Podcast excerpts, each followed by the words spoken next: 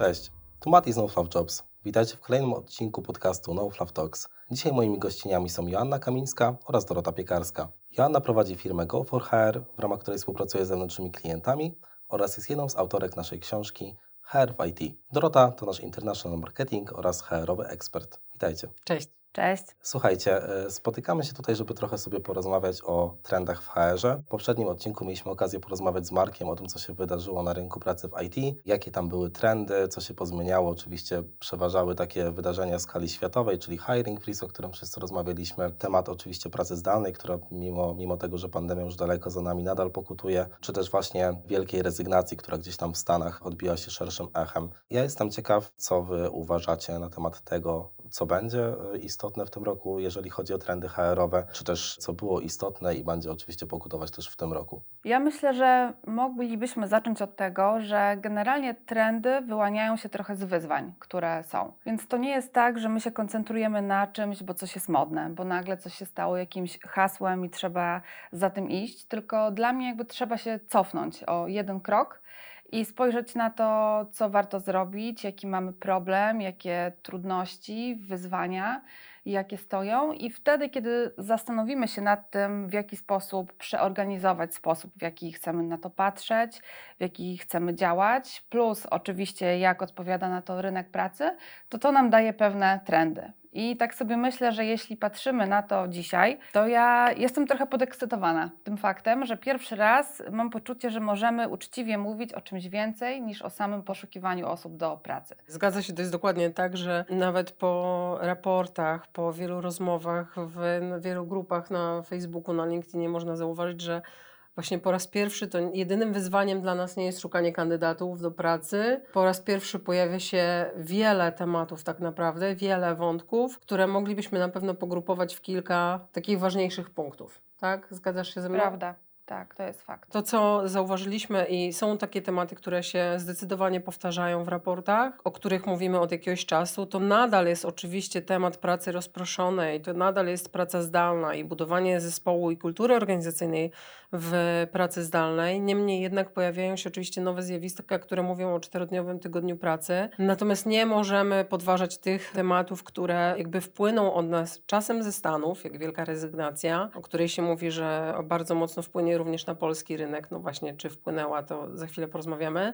Ale też mówimy o takiej bardzo dużej fali zwolnień, tak? która szczególnie w branży IT jest bardzo mocno widoczna. No i oczywiście pytanie, jak to na nas wpłynie. Nie możemy również jako branża IT nie mówić o technologiach w naszym codziennym życiu HR-owców, czy rekruterów e, na co dzień pracujących z kandydatami. Mm, tak, prawda, zdecydowanie. Okej, okay, jasne. To, o czym mówicie, wszystko mi się składa, jakby dotyczyło tak naprawdę utrzymania pracownika, o czym, o czym zresztą wspomniałyście, ale no to się zamyka pod takim ładnym hasłem Employee Experience. Czy możecie opowiedzieć, jaka jest istotność tego czynnika jakby w obecnej pracy zespołów HR? Wracając jeszcze na chwilę właśnie do tego poszukiwania pracowników, to my przez w zasadzie ostatnie kilka lat koncentrowaliśmy się na tym, żeby dbać o doświadczenia kandydatów. I te doświadczenia naszych naszych pracowników trochę gdzieś tam były z boku. I osoby, które były naszymi pracownikami, jednocześnie były kandydatami innych firm albo potencjalnymi kandydatami innych firm. Więc miały takie poczucie, że w zasadzie dla obcych firm są ważniejsze niż dla swojej własnej. Ja pracuję głównie dla małych i średnich firm i tam e, w działach HR mamy jedną, dwie, trzy osoby,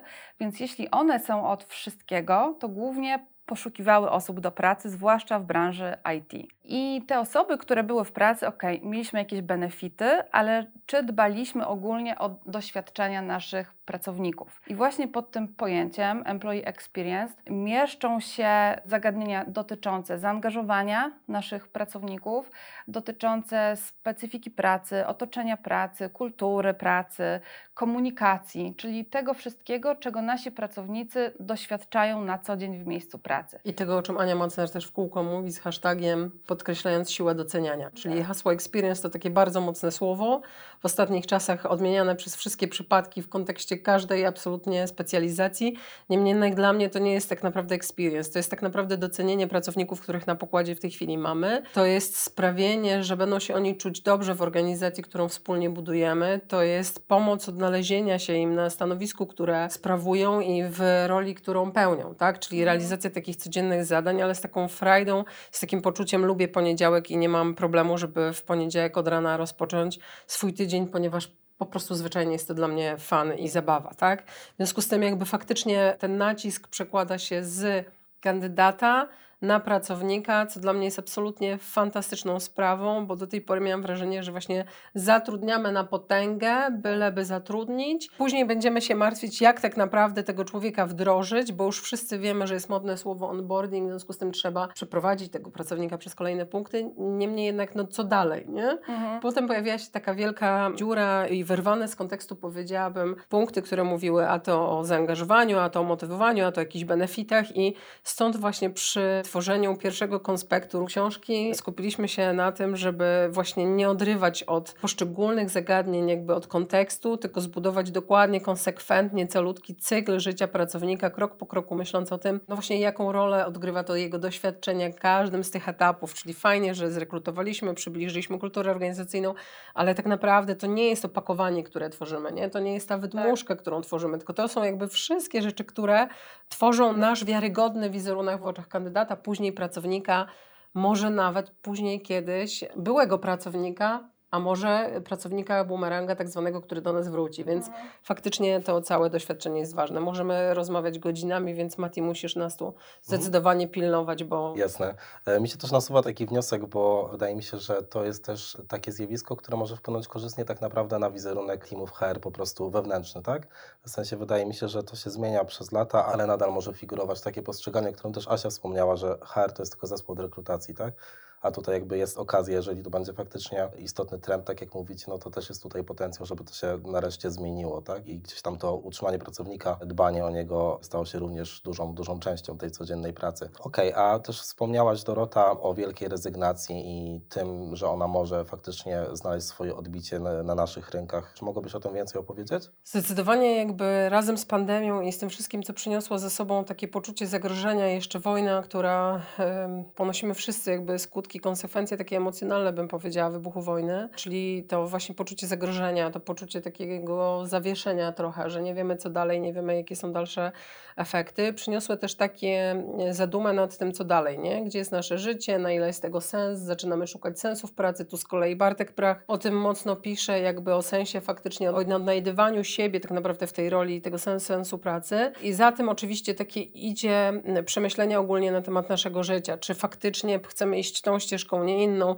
zaczynamy faktycznie rozsądniej wybierać. Kiedyś się mówiło o tym, że rzucam korporację, buduję coś swojego, bo chcę być na swoim. Potem się mówiło o tym z kolei, że będę robić jednocześnie e, faktycznie pracę na etacie, a może jeszcze przy okazji będę mm, się zajmować jakimiś pracami tak zwanymi DIY i sprzedawać będę jakieś własne wyroby, bo może to mi da e, tak naprawdę poczucie sensu i radości. Oczywiście było głośne hasło rzucam wszystko, jadę w Bieszczady, tak? I zamknę się w górach i będę mieć własny domek. I oczywiście y, ostatni rok pokazał nam, na ile te hasła są realne do naszej polskiej rzeczywistości. I tutaj, no, wszyscy, myślę, możemy się zgodzić, że każdemu z nas przeszło przez myśl, czy dam radę faktycznie rzucić wszystko i, i wyprowadzić się w owe Bieszczady. Myślę, że gdybyśmy wszyscy to zrobili, to by tam było strasznie ciasno i by się zrobiło jak w którym mieście. Niemniej jednak ta weryfikacja tego, że no, Niestety, nie, ale żyjemy, y, pracujemy, mamy swoje cele, musimy zarabiać, utrzymywać siebie, ale też nie tylko siebie, bo też bliskich, rodziny i tak dalej. No to, to nie jest takie proste, nie, że rzucę wszystko i zrobię swoje. Natomiast zdecydowanie coraz częściej widzimy w pracownikach takie podważanie status quo firmy, organizacji, tego podważanie tego sensu, tego co robię, po co to robię, chcę to zrozumieć, chcę się czuć dobrze w tym, co robię, chcę czuć, że ten mój wkład jest dość istotny dla i organizacji, i dla stanowiska. Dla mnie właśnie cała praca z HR-em to jest fantastyczne, bo się pracuje z ludźmi. Asia, ty pracujesz faktycznie w wielu organizacjach, mhm. jesteś takim konsultantem, więc zupełnie inaczej pewnie też to odbierasz, bo masz styk z różnymi ludźmi, z różnymi zespołami, nie? To jest też zupełnie inna tak, perspektywa. to fakt, to fakt. I nie ma dwóch takich samych firm, że nawet jeśli masz jakiś taki rys, podejrzewasz, że to jest średnia firma, sektor IT, to mniej więcej czujesz, co tam się może dziać, ale i tak zawsze każda firma jest trochę inna. I jeszcze zanim się odniosę do tej kwestii, to chciałabym wrócić do tego, o czym opowiedziałaś, bo to jest mega ważne, że wielka rezygnacja to było takie trochę pojęcie, które firmy wykorzystywały, żeby uzasadnić sobie, czemu ludzie odchodzą od nas. I to rok temu, dwa lata temu to było mega modne, że no okej, okay, no ludzie od nas odchodzą, ale teraz jest taki trend, więc to nie jest nasza wina.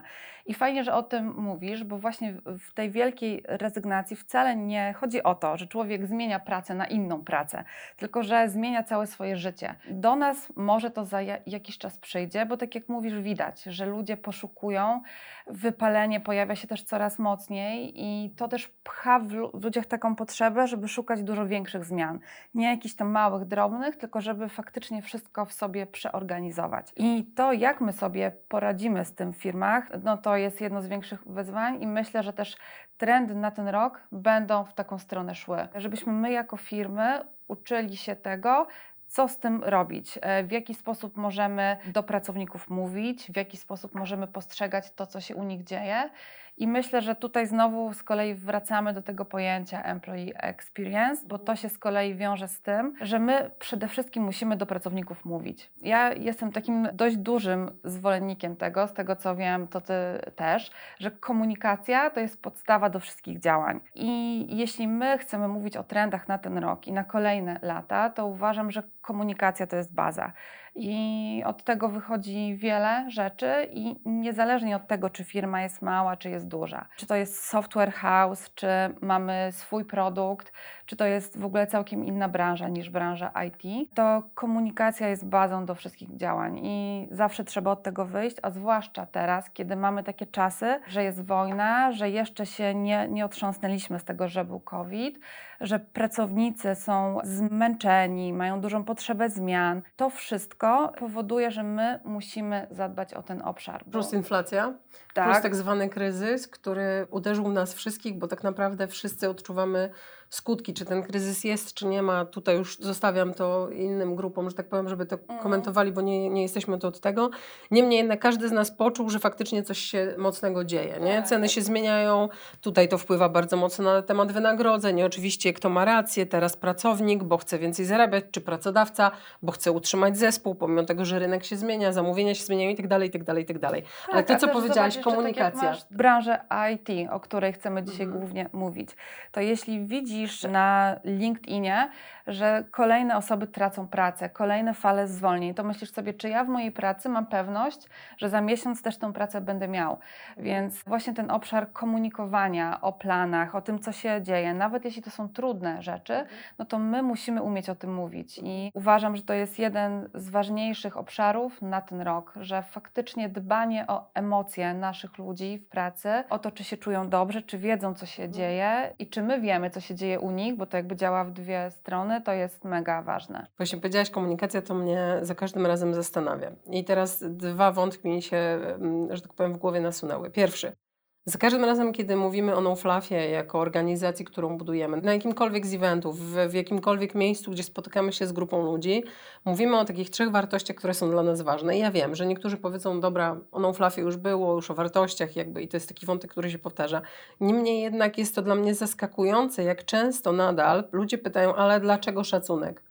No na litość boską. Mm. Dlaczego szacunek? A dlaczego transparentność? No dlaczego? Dlatego, że o czymkolwiek byśmy nie porozmawiali, człowiek nie chce wiedzieć, że firma mu zaplanowała tak zwany experience, bo to go nie interesuje, tak?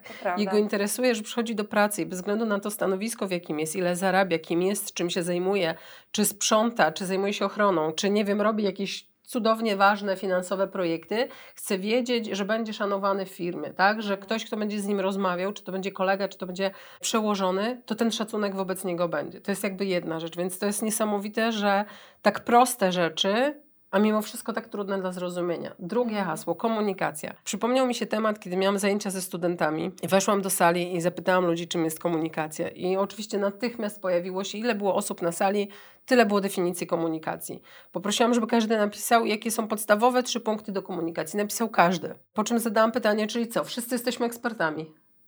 No mhm. No tak, w sumie, nie? Mhm. To ja mówię, to czemu mimo wszystko w komunikacja w organizacji jest tak trudna? Tak. No właśnie, nie? Że to się mówi, że to jest takie słowo, które wszyscy rozumieją, wszyscy wiemy, czym to jest, wszyscy jesteśmy ekspertami i o HR-ze generalnie w tej chwili każdy może mówić, o trendach również, tak jak żeśmy się spotkały mhm. tu. Niemniej jednak, jak siądziemy do budowania zespołu, do rozwiązywania problemów takich trudnych, Właśnie w kontekście tego, co nam przynoszą trendy, czyli w kontekście przewartościowania naszego życia, w kontekście poczucia zagrożenia, w kontekście kompletnego czasem braku szacunku, czy wobec kandydatów, o którym często rozmawiamy, czy wobec pracowników właśnie, bo nam nie chodzi o szacunek wobec tylko kandydata, żeby mu pokazać widełki, bo to jest szacunek. No nie, szacunek jest konsekwencja tej komunikacji, która rozpoczyna się na jakimś punkcie budowania zainteresowania organizacją, ale też kontynuujemy to w kolejnych krokach w cyklu życia znów pracownika organizacji. W kontekście tego wszystkiego właśnie trzeba właśnie zbudować spójną, konkretną z pracownikiem no dla mnie komunikacja oparta na szacunku, nie? Ale to trzeba mieć też mhm. wizję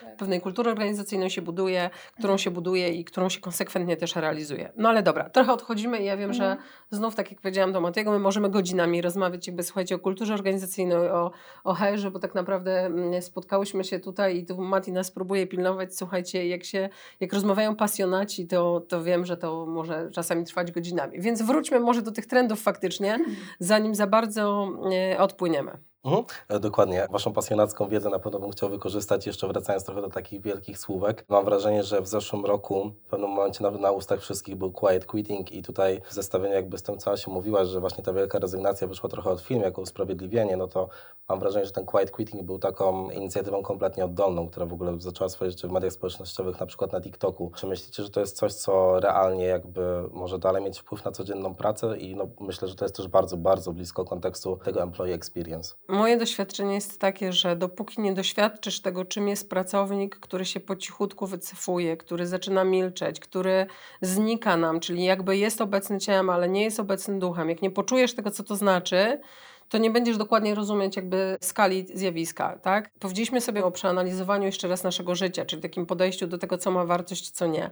Ale generalnie to, co można zaobserwować, że często człowiek właśnie wycofuje się z jakiegoś tak. powodu, bo i teraz pytanie, czy czuje się zagrożony, czy czuje się osłabiony, czy po prostu czuje, że nie powinien zabierać głosu, bo jej głos, głos nie ma prawa racji bytu. To wszystko oczywiście zależy od kontekstu i sytuacji, ale dla mnie zdecydowanie quiet quitting, czy takie milczenie w organizacji, ciche wycofywanie się jakby z organizacji, to jest dla mnie zdecydowanie jedna mm, też z kolejnych takich trendów, bym powiedziała, takich, o których coraz głośniej się mówi. Natomiast zdecydowanie to nie jest coś, co jest nowe w organizacji. To jest coś, co tak naprawdę istnieje od zawsze w organizacji, tylko nie każdy umiał zauważyć zjawisko, mhm. nazwać je, tak. zdefiniować. Tak, nie? teraz to ma po prostu nazwę. Jasne. Nazwę, która gdzieś jest modna i która krąży, więc nagle nam się otworzyły oczy, że ojej, jest taki problem, a ten problem był zawsze. To mhm. nie jest coś, co jest nowe. Tylko, że teraz to też trafiło, że tak powiem, pod strzechy uniwersytecko-akademickie. Tak Czyli nareszcie pojawiły się badania na ten temat, nareszcie się pojawili badacze, psychologowie, którzy zaczęli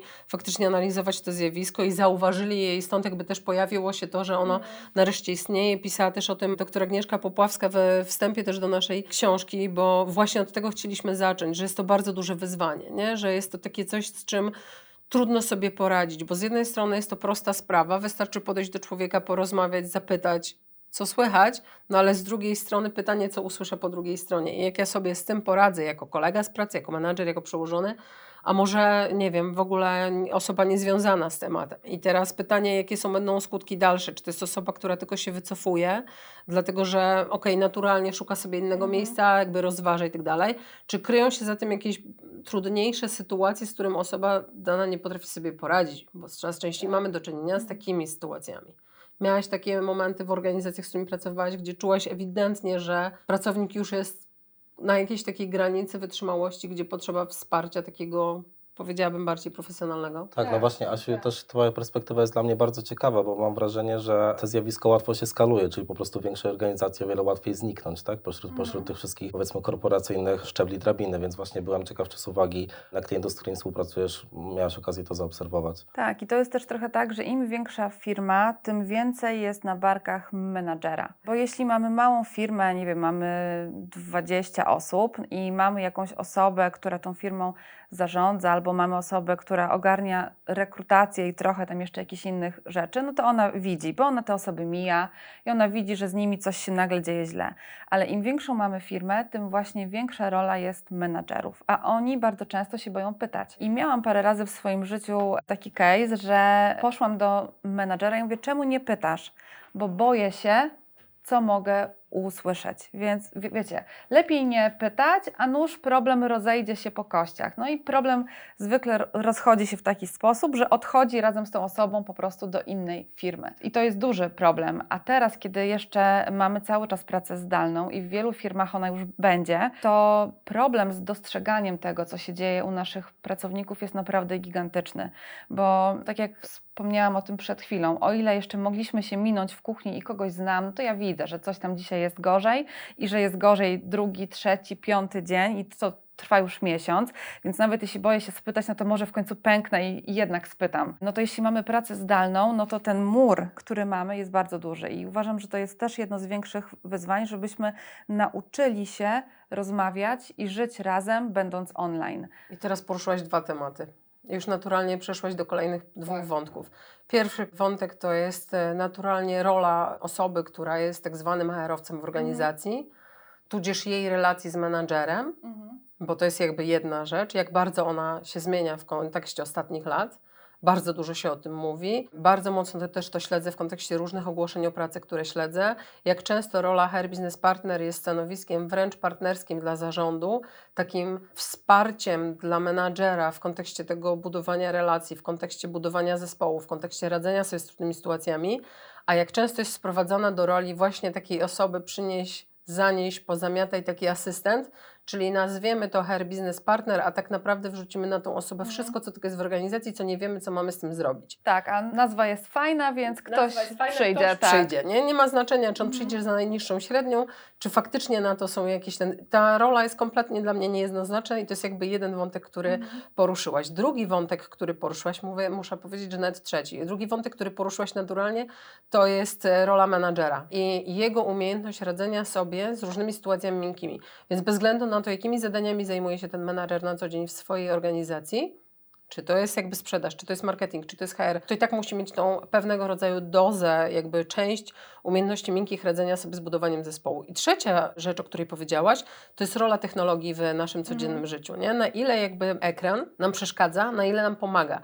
Na ile nam pomaga to, że możemy się wyłączyć i powiedzmy nas nie ma, i pomagają nam filtry, czy pomagają nam jakieś tapety, które mamy w tle, a na ile nam to przeszkadza. I w swoim czasie przeczytałam artykuł, jak zaczęły coraz być głośniejsze tematy Web3, słuchajcie, metaversum, nie wiem, z pół roku temu, może trochę więcej nawet. Jak zaczęłam czytać o kolejnych nowych pomysłach, jakby wchodzących, może bez nazw, ale od firmy, duż, dużych firm technologicznych, że każdy z nas będzie mógł sobie kupić swojego awatara, którego mm. posadzi, który będzie siedział przed ekranem, czyli będzie ładnie umalowany, uczesany, ubrany i tak dalej. I tak naprawdę ja nie będę musiała brać udziału w tych spotkaniach bo ja sobie będę mogła siedzieć gdzieś na zapleczu, e, nie wiem, na balkonie i może mieć mikrofon, ale tak naprawdę ten awatar, a w sumie za tym idąc od razu sztuczna inteligencja, on się tak naprawdę nauczy moich odpowiedzi, więc w sumie ja nie będę musiała. To jest taki moment, w którym ja myślę sobie, że ja akurat kocham nowe technologie, ale mhm. ten element mnie przeraża, bo uważam, że każda organizacja to ludzie, to komunikacja, a tej komunikacji, nawet jeśli ona jest przez okno ekranu, tak, codziennie, to nadal to jest komunikacja. Tak. Ja na co dzień pracuję z zespołami wielonarodowościowymi, wiele narodów, wiele kultur, wiele różnego rodzaju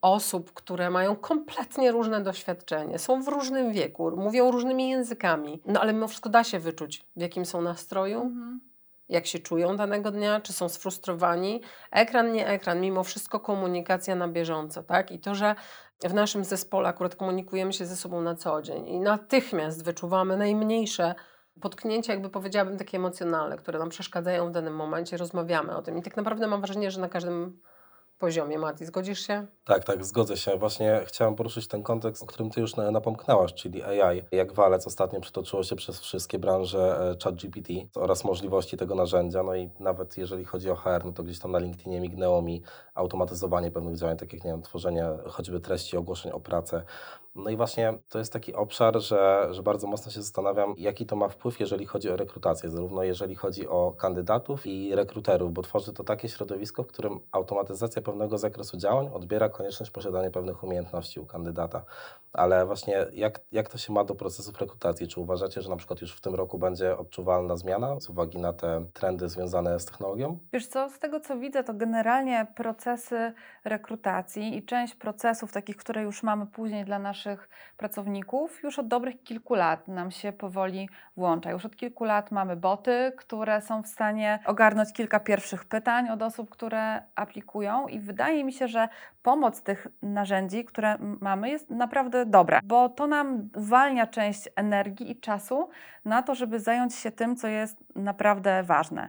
To, w którą stronę to pójdzie, to może być bardzo różnie. I myślę, że takie trochę zachłyśnięcie się tym, co mamy teraz i tymi możliwościami, które y, są, to uruchamia w naszych głowach taki obraz, że nagle każdy z nas zaraz traci pracę, bo przyjdzie bot i on będzie wiedział lepiej, będzie umiał lepiej ale to jest też trochę takie jak z metaversum, że kiedy ten temat pojawiał się u nas w Polsce, tak już w HR-ze bardziej intensywnie około roku temu, myślę, to wtedy było takie wielkie wow, że w zasadzie to pewnie za rok już wszyscy będą mieli swoje awatary, i tylko w taki sposób będziemy, nie wiem, się widzieć, mówić, ale okazało się, że to jednak nie tak prędko, że jednak ludzie nie chcą nosić tych gogli, że jednak e, chcą się widzieć że daje to pewne możliwości, bo można, nie wiem, stworzyć sobie wirtualne biuro i raz na jakiś czas to jest ciekawe urozmaicenie, ale jednak nie jesteśmy jeszcze gotowi w takiej formie, w jakiej to jest dzisiaj, na, na, to, żeby dać znać,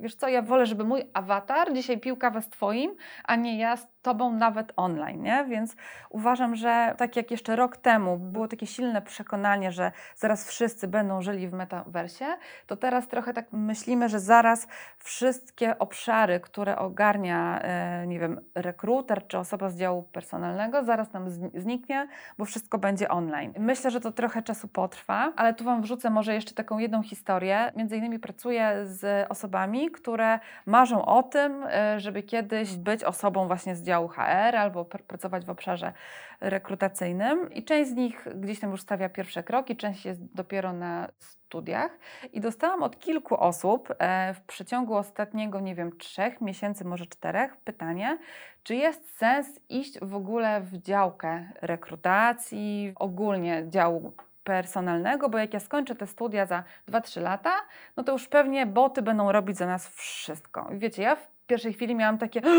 ale jak to? Przecież jeszcze tyle lat pracy ja mam sama przed sobą, więc w ogóle nie ma takiej opcji. I tak sobie myślę, skąd taki lęk, taka obawa? I faktycznie ludzie o tym myślą. Czy ta praca ma jeszcze sens? Czy w ogóle iść w to, czy może sobie znaleźć inną działkę? No bo zaraz właśnie ogłoszenie już sztuczna inteligencja zrobi, sztuczna inteligencja znajdzie ludzi do pracy, zrobi ro rozmowy, ocenę. No uważam, że to jeszcze, jeśli tak się stanie, to jeszcze długie lata. Ja nowe technologie lubię. Jestem zwolennikiem naprawdę dużym, ale jestem jeszcze większym zwolennikiem tego, że jest człowiek i jest drugi człowiek. I ja myślę, że jeśli my podejdziemy do tego mądrze, to my będziemy w stanie tak sobie dobrać narzędzia, żeby mieć więcej czasu na to, żeby człowiek i drugi człowiek mogli usiąść i, i wspólnie z tym iść. I wydaje mi się, że jest dużo narzędzi, które są dobre, bo chociażby automatyzacja procesów onboardingu pomaga nam bardzo, bo te rzeczy, które dzieją się poza rozmowami dwóch osób, e, możemy ustandaryzować. Niezależnie od tego, kto jest odpowiedzialny za proces wdrożenia pracownika, to będzie taka sama jakość, jeśli ktoś to zrobi dobrze. I wtedy mamy więcej czasu na to, żeby usiąść, porozmawiać, umówić się na e, kawę, więc to są te takie rzeczy ważne. Więcej czasu na to, żeby zrobić rozmowy o tym, czy proces wdrożenia idzie w dobrą stronę. Więc jeśli będziemy podchodzić do tego mądrze, to uważam, że to że czeka nas naprawdę fajna przyszłość. Ale myślę, że raczej stawiam na mądrość niż na to, że to pójdzie w jakąś taką stronę, która będzie powodowała, że nagle nikt z nas nie ma pracy. I tutaj znów mamy kilka punktów. Mamy tak zwaną różnorodność w organizacji, kiedy sobie mówimy o różnego rodzaju podejściu, bo nie każde podejście, nie każde rozwiązanie, nie każde narzędzie będzie dla każdej organizacji. To, co nowe technologie nam przynoszą, musimy zawsze myśleć, jaka technologia do naszej pracy, do naszej organizacji, do naszej sytuacji. Nie wszystko będzie dobre dla każdego. Nie? To jest jakby, to jest przede wszystkim to hasło pracuj mądrze, nie, nie ciężko, a mądrze. Wykorzystuj te narzędzia, które faktycznie są Ci potrzebne. Przykład. Duże korporacje, duże firmy, pewnie powyżej jakiegoś pułapu ilości pracowników, zaczynają korzystać z różnego rodzaju systemów, choćby do pracy z kandydatami, to też znów nam bliskie podwórko, tak? Mhm cudownie, bo to układa pewnego rodzaju procesy, segreguje informacje, bo jest trudno przetwarzać tak dużą ilość danych, jakie są zawarte w CV-kach e, kandydatów. No niemniej jednak okazuje się, że jeśli e, kandydaci muszą się zalogować wiesz, i podać te dane, to to już nie chcą, bo rozmawiają z systemem, a nie z człowiekiem, który nie widzi w nich człowieka, tylko znów konkretne punkty na liście. Czyli tak naprawdę jedynym sposobem pracy z tym życiorysem jest przechytrzenie systemu, pokazanie Tak, konkretnych tak. punktów, które wyłapie nam system. Nie? Więc tu możemy powiedzieć, fajnie, że technologia jest, cudownie, że upraszcza komuś po drugiej stronie życie, musi tylko musi być mądry człowiek, który pracuje z tą technologią, żeby móc ją wykorzystać tak, żeby nie zrobić krzywdy po pierwsze organizacji, z którą pracuje, bo przynosi, ma przynosić wartość, a nie straty dla organizacji. Po drugie nie zniechęcać osób, z którymi ma pracować, w tym przypadku pracownik czy kandydat. Tak? I to prowadzi nas ku kolejnemu trendowi, o którym tak naprawdę możemy sobie też rozmawiać, który istnieje również od lat, tylko znów jest po raz pierwszy, mam wrażenie, lub od jakiegoś czasu nazywany jako to kierowanie się tak naprawdę kompetencjami w kontekście zatrudnienia. Nie? Czyli już nie myślimy kategoriami, kto miał jakie stanowisko w poprzedniej pracy, jakie stanowisko pełnił, tylko jakiego rodzaju umiejętności nabył, wiedzę i kompetencje, i jakie postawy ma w związku z tym, czy będzie pasował do naszej organizacji na nasze stanowisko. I to jest coś, co nam jest potrzebne, aby móc z technologiami i z tymi wszystkimi nowymi narzędziami, które wchodzą do naszego życia, sobie umieć poradzić. Bo już tak naprawdę trzeba mądrze analizować te narzędzia, mądrze je jakby wybierać. Czyli nie ma jednej sytuacji, która będzie pasowała do każdej organizacji. Powiedzmy sobie na przykład marketing automation. O tym się mówi od lat. To nie jest jakby żaden jakby rocket science. Mówimy o tym od lat. Ile osób potrafi to mądrze wdrożyć do organizacji? Ile osób faktycznie zakłada, że wie jakiego rodzaju narzędzie, wie jakiego rodzaju kroki wykonać, wie jak to dobrze zmapować dla mojej organizacji. Bardzo często jest tak, że wdrażamy coś tylko dlatego, że słyszymy, że trzeba, więc może faktycznie trzeba. W organizacji nie ma trzeba, nie? Mhm. Biznes to musi być mądra gra, który dobiera takie narzędzia, które są mu potrzebne, na które stać organizację, które jest w stanie sobie pozwolić na wdrożenie, gdzie będzie miał osoby, które tym pokierują, nie? Bo jeśli wdrożymy narzędzie, które będzie nas kosztowało grube pieniądze, to tylko na tym stracimy. Więc znów biznes, w, szczególnie w czasach kryzysu, nie może sobie na to pozwolić. Więc mam wrażenie, że w tej chwili to, co się mówiło od lat w raportach, nie wiem, Gardnera o umiejętnościach, jakie są potrzebne, radzeniu sobie ze stresem, patch manager, pracownik, czasy niepewności, o umiejętnościach analitycznych, czyli naprawdę analizowaniu informacji, jakie do Ciebie docierają, tak? O umiejętnościach komunikacji, znów na różnych poziomach, szczególnie jeśli mówimy o różnych językach, nie? Bo języki, którymi się posługujemy też nam tą barierę kolejną gdzieś stawiają. To są te rzeczy, które tak naprawdę są dla mnie najważniejsze w kontekście trendów. Czyli to, co obserwuję w świecie H, H tak zwanego HR-u, również w rekrutacji, to są dla mnie te wszystkie elementy, które mówią o tym, jak się rozwijać musimy my, jako pracownicy, jako liderzy, jako menadżerowie, aby móc jakby sobie poradzić z dzisiejszymi wyzwaniami. Bo wczoraj czasy też były inne, nie? Przed, przed wojną mieliśmy, wiecie, zupełnie inną skalowanie organizacji, zupełnie inne sytuacje w kontekście, nie wiem, rynku startupowego, biznesowego, nie? Teraz to się zmienia, ale to nie znaczy, że to będzie zawsze kryzys i to będzie zawsze inflacja i że to będzie zawsze źle i to będzie tylko leciało w dół, bo my nie wiemy, jak ten rynek to wykorzysta. Spójrzmy na lata 90. Wydawało się, że to jest taki moment, kiedy jest bez wyjścia i jest szarość, smuta, smutek i tak naprawdę nie ma opcji. No i się okazało, że paru jednak sprytnych, mądrych ludzi wykorzystało ten moment takiego przełomu, a to po to, żeby móc się wybić i zbudować swój biznes właśnie na tym, czego nie ma. Więc ja mam wrażenie, że jesteśmy w takim momencie, kiedy znów jest pewnego rodzaju przełom. W sumie wszystko już było, wszystko widzieliśmy, wszystkiego się spodziewamy. I teraz pytanie, jak to wykorzystamy dla siebie i dla organizacji. Asiu, czy, czy ty chciałabyś się odnieść do tego tematu? Z tego, co powiedziałaś, to chciałabym wrócić do jednej kwestii odnośnie tego, że bardzo często podchodzimy do pewnych rzeczy dość płytko. Czyli właśnie są jakieś trendy i my, zachłyśnięci tym, że są jakieś trendy, wdrażamy coś, co niekoniecznie pasuje do naszej firmy. Czyli dowiesz się gdzieś, że jest trend X i chcesz to koniecznie wdrożyć, bo dowiesz się, że właśnie na przykład są nowe narzędzia do optymalizowania procesu wdrożenia i koniecznie chcesz to zro- zrobić. No i poświęcisz na to kupę kasy, a w firmie masz 10 osób, nie? I pytanie, po co ci to było? Albo fokusujesz się na, na czymś innym, co jest teraz modne, a twoja firma płacze o inne rzeczy.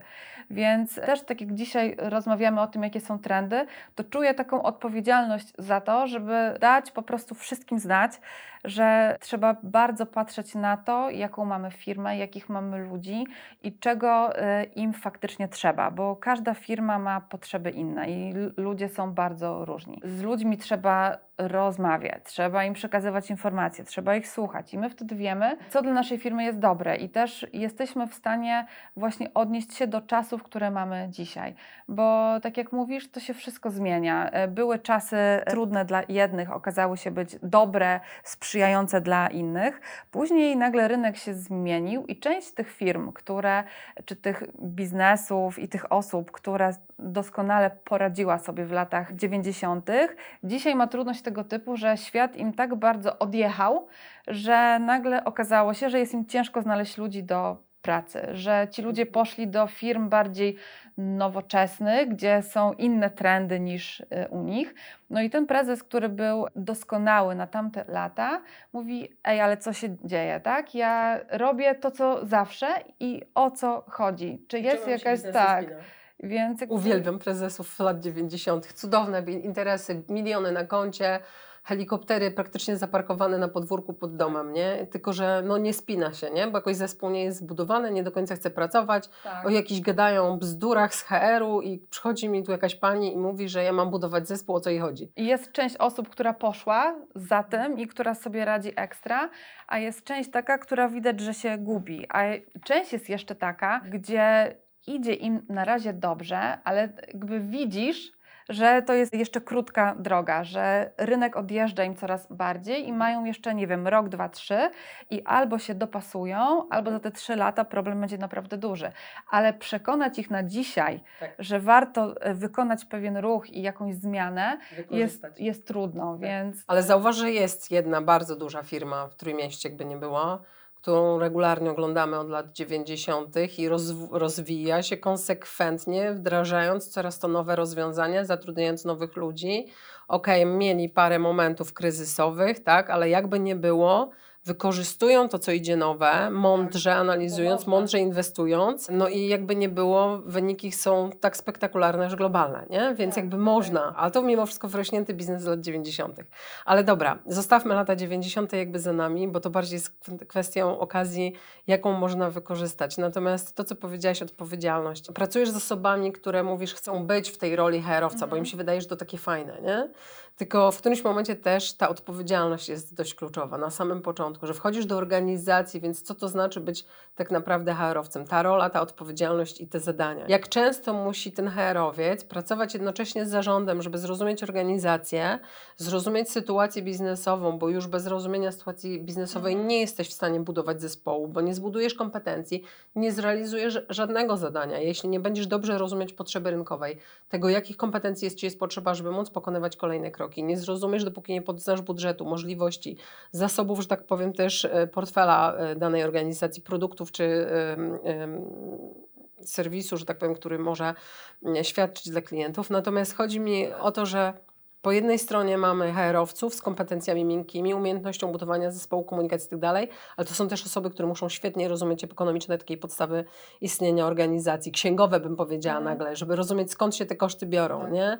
Klasyczne problemy w organizacjach IT, gdzie są koszty netto brutto, gdzie jest drugi próg podatkowy, największe wyzwanie zeszłego roku, nowy Polski Ład. Jak sobie poradzić z ludźmi, którzy nagle są zbuntowani, źli i rozgoryczeni, bo nagle no, nie zgadza się. No i co teraz? Czy to jest wina jak jakby owej księgowej, kadrowej, no kogo to jest wina, bo kogoś trzeba zdorwać. No i tu są takie wyzwania, jak tu budować e, jakby zespół w kontekście takich problemów, ale powiedziałaś na samym początku komunikacja, i ja bym tutaj tak naprawdę podstawiła kropkę. Tak, bo to jest niezwykle trudna rola, bo tak jak mówisz, łączysz kilka tych obszarów i musisz być uważny na to, że w żaden z nich nie możesz wejść zbyt mocno. Albo w każdy musisz wejść tak samo mocno.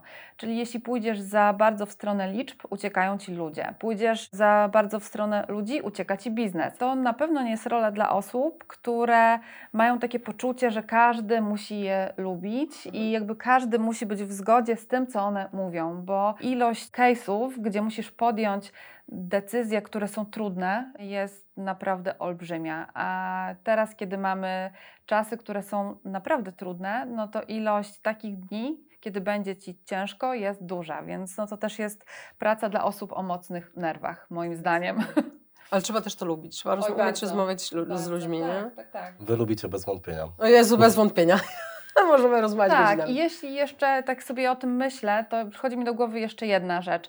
Ty o tym e, wspomniałaś odnośnie Waszych wartości, czyli obszar bycia transparentnym. Mhm. I uważam, że to jest też jeden z takich elementów, które będą trendem na ten rok i na kilka lat w przód, bo e, Wy mówicie dużo o transparentności, jeśli chodzi o kwestie wynagrodzeń w ogłoszeniach i fajnie, że się o tym mówi. I uważam, że to jest taka baza, żeby otworzyć ludziom oczy na to, że my powinniśmy być transparentni generalnie, jeśli chodzi o wszystko. Czyli ten obszar, o którym też mówiłyśmy na wejściu, czyli żeby do ludzi mówić o tym, co się dzieje.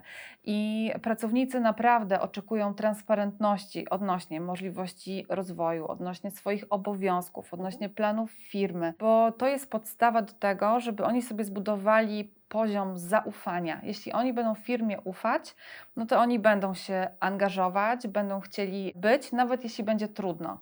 A jeśli my nie jesteśmy w stanie zbudować tego, że ktoś nam ufa, że czuje się tutaj dobrze, że ma poczucie bezpieczeństwa, no to będzie nam mm, bardzo trudno mówić o tym, że mamy jakieś, nie wiem, e, cele biznesowe, że chcemy walczyć o efektywność.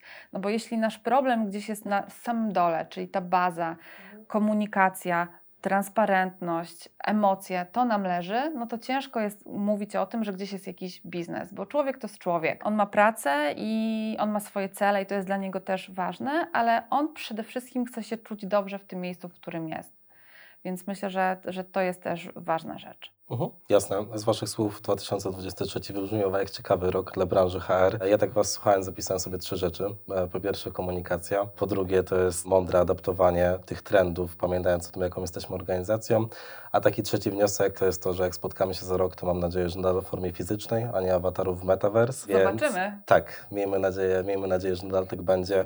Słuchajcie, tak zmierzając do celu, e, czy macie jakieś takie ogólne wnioski, biorąc pod uwagę naszą rozmowę, jeżeli chodzi o kształt tego 23 w kontekście HR? Ja myślę, że to jest tak, jak powiedziałyśmy na starcie, że to jest pierwszy rok, gdzie nie tylko rekrutacja, ale też pracownicy, których mamy. Aczkolwiek uważam, że rekrutacja, zwłaszcza w IT, dalej będzie ważna, ale wydaje mi się, że będzie bardziej przemyślana, bardziej zoptymalizowana, mądra i taka bardziej ostrożna, że za nią e, w ślad będzie szło to, że trzeba dbać o ludzi, których mamy. I e, my mamy cały czas na rynku dość duże luki kompetencyjne. Pracodawcom ciężko jest znaleźć dobrych ludzi, mimo tego, że tylu jest ich na rynku.